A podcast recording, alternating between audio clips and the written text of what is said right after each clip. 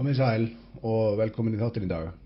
Uh, Titillin á þættinum í dag er skilningsleysi millir kynjana og hvað meina ég með því?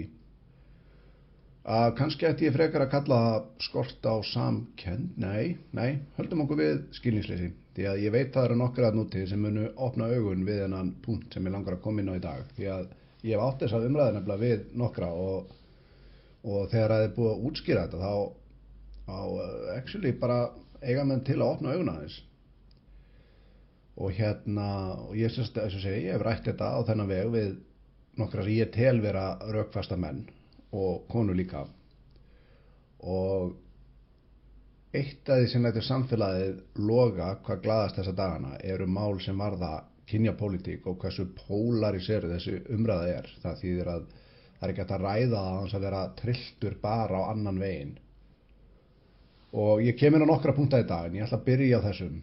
Þannig að fólk báðu megin línunar, ef svo maður til kalla verðist bara gjössanlega loga af reyði og heift, bara ef svo mikið sem minnstir á þetta. Þegar nefnilega kemur að hlutum eins og MeToo hreyfingunni þá er gott að geta viðurkent hversu mikil þörf var greinilega á þessu. So, anyways, there's been uh, the Me Too movement has happened since the last time I was here.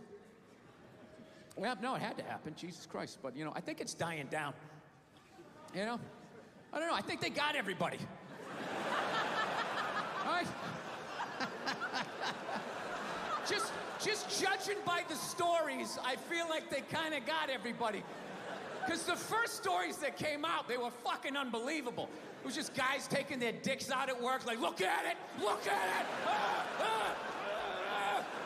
Fucking blocking doors and jizzing on plants. You fucking at home watching, Jesus Christ, people did this shit?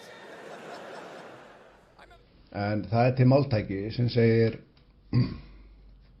byltingin getur alltaf börni sín og það á við hér eins og svo ofta áður ég ætla nefnilega að koma inn á hvað við strákarnir segi ég, hvítur síð miðaldra kallmaður eins og hinn uh, staðfesti staðfasti þorsteinn á kallmennskunni segir.